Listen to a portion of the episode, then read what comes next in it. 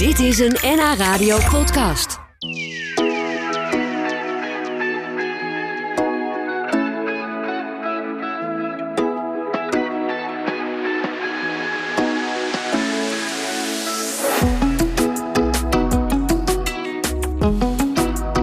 We gaan praten over bier tijdens de lunch. En wie weet ook nog even wat proeven. Want ik heb twee brouwers op bezoek. Walter Bakker en Ivo Posma. En eh, die begonnen in coronatijd met een privékroeg aan huis. Maar dat groeide eigenlijk uit tot een echte brouwerij. Bierbrouwerij Piek. Nu nog gevestigd in een huurbrouwerij, snap ik. Dat goed? In Uitgeest, volgens ja, dat mij. klopt. eh, In Uitgeest. inderdaad. Maar over een paar jaar misschien wel een gewoon hele eigen brouwerij. Mooi verhaal. Ze zijn vandaag eh, bij mij te gast. Ze komen net binnenlopen eigenlijk. Welkom allebei. Dank u wel. dank Ja. u wel. Leuk om hier te zijn. Ja. Drinken jullie vaak een biertje bij de lunch? Of in plaats van, dus zeg maar een soort liquid lunch? Zelden. Bijna nooit. Nee. Bijna nooit, oké. En als dan misschien een alcoholvrij biertje of wat? Eh, Nou, het dat is in- helemaal nooit. Nee? Dat, dat, dat drinken wij niet. Oh, helemaal niet? Nee, maar dat is toch helemaal hip tegenwoordig? Nou ja, je ziet steeds vaker hè, dat het eh, gedronken wordt. Maar eh, ja, is het dan nog bier, hè? Vraag je dan af. eh, Ja, nou ja, er zijn er wel die best wel lijken op bier, zeker. vind ik. Ja. Maar dat is niet aan jullie besteed. Nee, bij ons zit er altijd wel een eh, percentage alcohol in. Zeker. Ja, ja. Jullie hebben denk ik ook niet meegedaan aan de Dry January of eh, misschien Absoluut een dry... niet. Absoluut niet. er zijn van die principes, die moet je niet opzij schuiven. Ik snap het. Nou, hebben jullie ook wat eh, lekkers meegenomen om te proeven straks? Ja, wij hebben zeker wat lekkers meegenomen. We hebben ons eerste ehm, eh, gebrouwen biertje meegenomen, is het geeltje. Het geeltje is eh, zeg maar weer een soort van knipoog naar het 25 gulden biljet. Oh jee, En daar eh, leuk. Heel nostalgisch. lijkt het eh, etiket dus ook op. En ja, piek is zeg maar ook weer een link naar de gulden. Nou, Dus onder het mom van alles was vroeger beter behalve het bier, hebben we dit gebrouwen. heel goede spreuk. We gaan zo verder praten en dus een beetje proeven, begrijp ik. Van een biertje van brouwerij Piek. Nou, ik dacht even Anton Piek, maar het gaat dus over de munt Piek. En dan eh, heet het biertje ook nog het geeltje. Ik vind het leuk. Straks horen we of dat ook nog een beetje te drinken is. Ik heb net al twee flesjes omgegooid. En gelukkig zat eh, de deksel er nog op, topje. Dat, daar was iedereen hier heel blij mee. Ehm, maar goed, we gaan straks eh, ook wat proeven van, van het bier wat jullie bij je hebben. Ehm, wat is het eigenlijk voor bier? Dat, dat geeltje, dat eerste biertje wat jullie hebben gemaakt?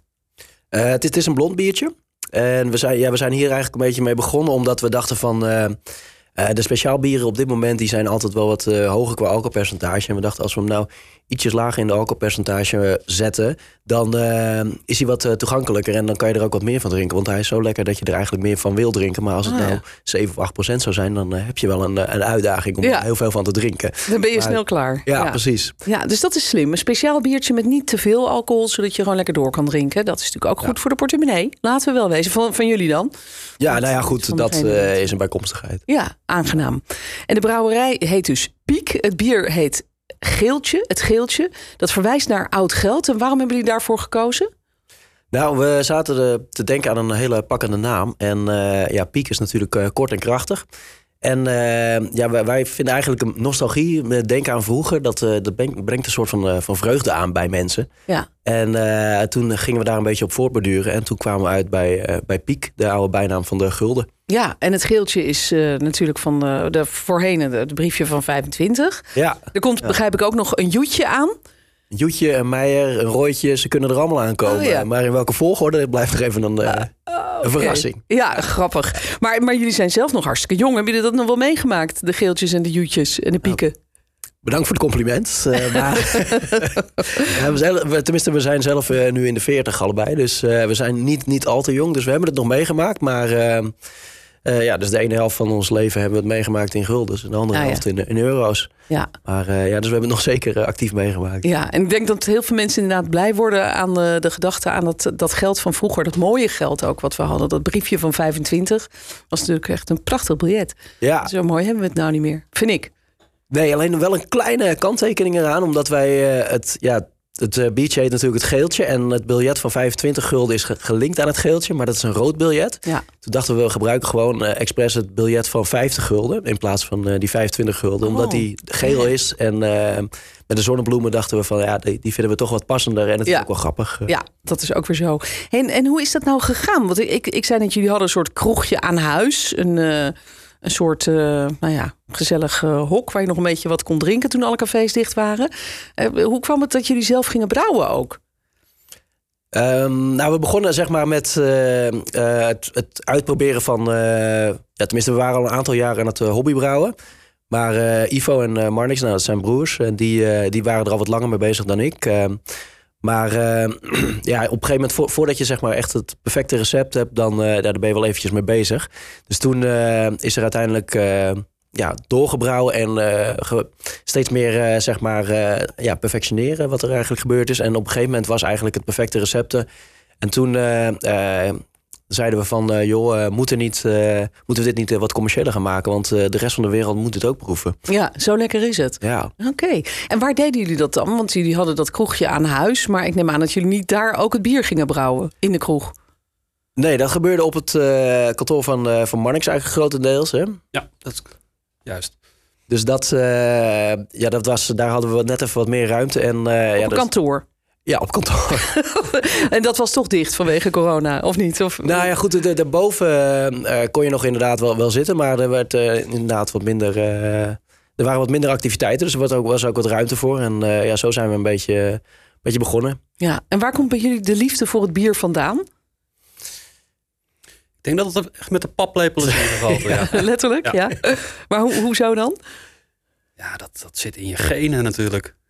Ja, Dat krijg je er nooit meer uit. Nee, maar was je als, als klein jongetje al dat je dacht... als ik later groot ben, dan ga ik net als papa heel veel bier drinken? Ik ben een, eh, ik ben een nakomertje. En mijn, eh, mijn oudste broer, die is, eh, ik denk wel van 15 jaar ouder dan ik. En die heeft inderdaad heeft mij, heeft mij wat bier gegeven dat ik nou ja, een jaar of tien was. Zo, Dus, eh, v- vandaar eh, met de paplepel ingegoten. ja, je was er vroeg er bij. nooit meer vanaf. Is dat bij jou ook zo, Walter? Was jij er ook zo vroeg bij? nou, ik eh, moet eerlijk zeggen dat ik pas eigenlijk vanaf mijn achttiende ben gaan drinken, omdat eh, ik dan mijn rijbewijs van mijn ouders zou krijgen. En eh, daar heb ik me in principe altijd wel, eh, wel netjes aan gehouden. Maar eh, ik was altijd wel helemaal eh, ja, geobsedeerd van bier. Want ik, ik, ik spaarde bier op, bierveeltjes toen ik klein was. eh, en eh, ik, ik las eigenlijk ook heel veel over bier, terwijl ik het eigenlijk nog, dus nog niet dronk. Maar eh, Ja. Maar toen dus- wist je misschien al hoe je het moest maken, bij wijze van. ja, bewijs hele van eh, misschien wel. eh, nou, moet ik wel eerlijk toegeven dat Ivo eh, is onze meesterbrouwer. En ja, dus, dus maar eh, Die is er vandaag niet. nou, die zit hier tegenover. Oh ja. Ivo, leuk dat je er bent. Dank u. Dank u. Ja, jij bent de meesterbrouwer, maar hoe komt dat dan? Is dat omdat jij al zo jong begonnen bent met bier, dat je heel veel bier geproefd hebt en precies weet eigenlijk wat een goed biertje nodig heeft? Nou, ik, ik eh, ben eigenlijk een. eh, eh, ik heb een wetenschappelijke achtergrond. Dus ik, ik heb wel de. Nou ja, laten we zeggen, de, de manier van denken om, om zo'n bier op wetenschappelijke wijze naar een ander plan te brengen. Dus ik heb inderdaad een heleboel boeken gelezen. En nou ja, cursussen gevolgd. Puur om te snappen, hey, wat betekent het nou om, een- om een knap biertje te maken? Ja, hoe werkt dat proces? Want er komt nog wel wat bij kijken Exact. natuurlijk. En de chemie erachter. En, Ja. eh, Ja. ja. dus jullie hebben wel echt een goede voorbereiding gehad. Jullie zijn niet zomaar een beetje wat, wat, wat spullen bij elkaar gaan kieperen... in de hoop dat er nog wat lekkers uit zou komen. nee, Nee. Nee. nee. Oké, nou hoe dat eh, biertje wat jullie nu mee hebben eh, smaakt... dat gaan we straks horen, want dan mag ik een beetje proeven. Jullie zijn al een klein beetje begonnen, hè? S- Het is dorstig weer, hè? Ja, het is Ja. dorstig weer. Het is altijd dorstig weer. En er zit ergens altijd wel een vijf in de klok, toch? Hoe was dat eigenlijk dat het eerste biertje klaar was? Hoe was dat voor jullie? Hebben jullie dat eh, groots en feestelijk en meeslepend gevierd? Er was eh, één grote eh, euforie natuurlijk. eh, ja. Nou, het, ja, het doet toch wel wat. Een beetje als die dan eh, uiteindelijk eh, gebotteld wordt en eh, er een dopje op komt en een, een etiket, dan wordt het echt, hè? Ja. Dus ja, dat hebben we wel even goed gevierd, zeker weten. ja, en gelijk geïntroduceerd op de kermis van Assen-Delft, begrijp ik. Een beter moment om af te trappen was er eigenlijk niet voor ons. Want We zijn natuurlijk eh Assendelvers. En ja, de kermis in Assendelft is natuurlijk voor alle Assendelvers en ook daarbuiten misschien wel een begrip. Ja. Dus eh, ja, toen kregen we dus de mogelijkheid om daar eh, bij Café de Klinker dus een, eh, het bier onder de tap te zetten. En dat hebben we dus ook eh, zeker gedaan. En ja, dus tijdens, het, tijdens de kermis uh, vloeide het uh, geeltje al rijkelijk. Ja, en wat kreeg je voor reacties? Want het lijkt me zo grappig dat je dan je eigen bier daar ziet. Dat iedereen jullie bier aan het drinken is. Hoe was dat? Nou ja, goed. eh, uiteindelijk kunnen we natuurlijk heel goed met, eh, met die roem omgaan. Dus eh, Ja.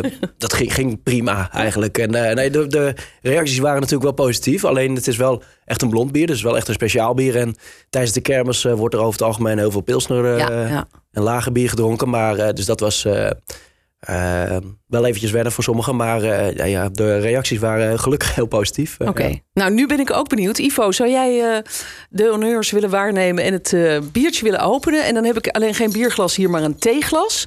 Dus dan moet je het daar maar even inschenken. En dan moet ik gewoon het heel voorzichtig aanpakken. Daar gaat hij. Ja, het klinkt als een echt bierflesje. Ja, dat heb je. Nou, daar komt hij hoor. Dat geeltje gaat in het theeglas. Ja, voor wie nou thuis zit te luisteren, die denkt... Oh, lekker. Biertje bij de lunch. Ja, dat, dat snap ik wel. Ja, het ziet er goed uit. Een mooi goudgeel biertje. En dan loop ik even helemaal om de hoek. Ik durf het hier niet zo bij het mengpaneel op te drinken. Aangezien ik net al een flesje waar gelukkig de dop nog op, op zat, hier eroverheen gooide.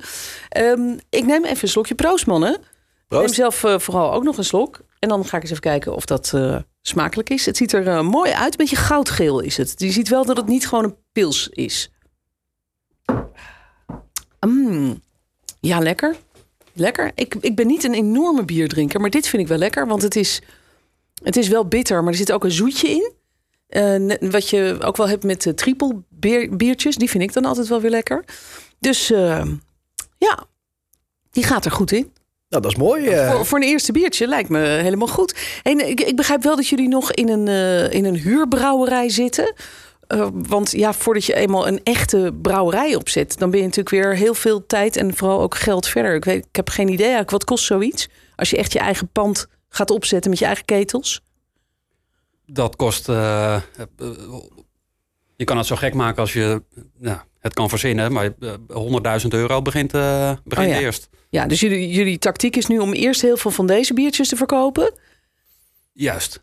En dan verder te kijken eigenlijk. Ja. Ja, kijken of het een beetje aanslaat. En eh, ja, proberen het zoveel mogelijk inderdaad te verkopen. En eh, op een gegeven moment willen we natuurlijk onze eigen ketels in Assendelft eh, ergens gaan neerzetten. ja, En dan eh, ja, het echt onze eigen brouwerij maken. ja. Gaan die gewoon kaart concurrentie aan met eh, die groene rakkers uit Amsterdam, zeg maar even. Absoluut. Zeker weten. ja. Ja, hebben jullie veel moeten proeven voordat jullie tot dit biertje kwamen eigenlijk? Want je moet, ja toch, je moet toch een beetje weten, wat, wat zijn er voor biertjes allemaal en, en waar wil je dat het op lijkt? Of Ik denk, ik juist denk niet? dat we deze eh, eh, twaalf keer gebrouwen hebben. Doordat hij op een nou ja, acceptabel niveau eh, wat ons betreft was. En dan niet elke keer de- dezelfde manier, maar steeds iets aanpassen. En kijken wat heeft dat nou voor effect op het eindresultaat. Ja, en wa- wat, wat voor soort dingen kun je dan aanpassen? Zitten hier heel gekke ingrediënten in waarvan je zegt van ja, dat, dat is echt iets wat, wat dit bier volledig anders maakt dan al het andere bier? Of heeft het meer te maken met hoe lang je bepaalde processen laat duren of op welke temperatuur je dat Ja, laat doen? het- zijn in principe niet alleen je ingrediënten, maar ook inderdaad het proces wat echt een, eh, een sterke invloed heeft op het, eind, eh, het eindresultaat. Bijvoorbeeld hè, het, het maistemperatuur. Als dat iets omhoog, eh, een beetje hoog in het spectrum, krijg je een wat zoeter eindproduct. Als je wat lager in de temperatuur gaat maisje, dan wordt die wat droger en wat, wat, wat schoner. Ja, ja. Deze hebben we speciaal wat, wat warmer eh, hebben we gemaist, waardoor die wat, wat, wat een beetje een zoetigheid. Vandaar dat hele, heel lichte zoetige. Ja. Oh, oké. Dus dat is niet zozeer Ja. een ingrediënt eh, eh, dat je toevoegt, maar dat is meer in het proces van het Ja. brouwen waar je eh, nou ja, een bepaald resultaat mee krijgt. Ja. En hebben jullie die kroeg eigenlijk ook nog? Vroeg ik me af. Want daar zijn jullie dus mee begonnen in, in coronatijd. Als dat niet was gebeurd, waren jullie misschien helemaal niet met brouwen verder gegaan? Of wat denk je? Nou, dat, ik denk, denk wel dat we sowieso verder waren gegaan. En we hebben de kroeg eh, inderdaad nog steeds. Alleen eh, ja, staan we nu inmiddels ook op de tap bij een aantal eh, collega's zeg maar, in, in Assendelft. Dus die moeten we natuurlijk ook een beetje steunen, de middenstand in Assendelft. Ja, ja. Dus we drinken ja, gewoon nu het weer mag vaker door eens, eh, in een horecagelegenheid In een dan, echt dan café. thuis. ja. Ja. Waar gaat dit heen, mannen? Waar zijn jullie over, eh, laten we zeggen, vijf jaar of over tien jaar? Wat, eh, wat moet ik me dan voorstellen bij jullie eh, brouwerij? En hoeveel soorten bier komen er? En wat voor lekkere dingen gaan jullie allemaal uitproberen? Ja, we zijn nu eigenlijk bezig om ons eigen RVS inderdaad aan te gaan kopen. En dat is op zich... Een RVS? sorry, roestvrij staal, dat zijn eigenlijk de, ja, de tanks, De ketels. ketels, de vergistingtanks, eh, dat, soort, dat soort zaken. En ja, daar moeten we eigenlijk ook nog een pand eh, omheen verzinnen. En dan, ja, eh, daar moeten ook wat eh, faciliteiten gaan komen, zoals nou ja, koperen pijpen met water, Ja. afvoer. De, de vloer moet mooi afgewerkt zijn, dat soort dingen. ja, het begon een beetje als een grap, maar dan, het is al best wel serieus. Maar dan wordt het echt het echte werk, hè? Absoluut. Als je dat allemaal hebt, dan... Ja. hebben jullie nu nog een andere baan ernaast eigenlijk? Eh, ja, ik heb ook nog een uh. We hebben eigenlijk alle, alle drie eh, nog, een, eh, Oh. nog een baan ernaast. Dus dat maakt het ook eh, een beetje lastig, omdat het natuurlijk ook heel veel eh, eh, tijd kost. Maar eh, kijk, uiteindelijk is het wel de bedoeling om hier ons salaris uit te halen. Zeker. Ja. Ja, nou dat, dat is voor de toekomst. Eh, intussen krijg ik vragen van luisteraars die zeggen... hebben jullie niet een website? Want die probeert alvast een biertje te bestellen. Maar dat, dat lukt nog even niet. Is, is er geen website? Absoluut. Die is Oh. er zeker. uh, peakbier.nl. Ja. Piekbier, piekbier. Ja, oké, duidelijk. Nou, de, dankjewel dat jullie hier waren. En eh, heel veel geluk met, eh, met jullie brouwerij. Eh, hou ons op de hoogte. Als jullie eenmaal ergens een pand hebben, dan eh kom ik er langs. Biertjes proeven. Nou, zeker Ja. weten. Ja, ontzettend bedankt. Dit was een NH Radio podcast. Voor meer, ga naar nhradio.nl. Radio.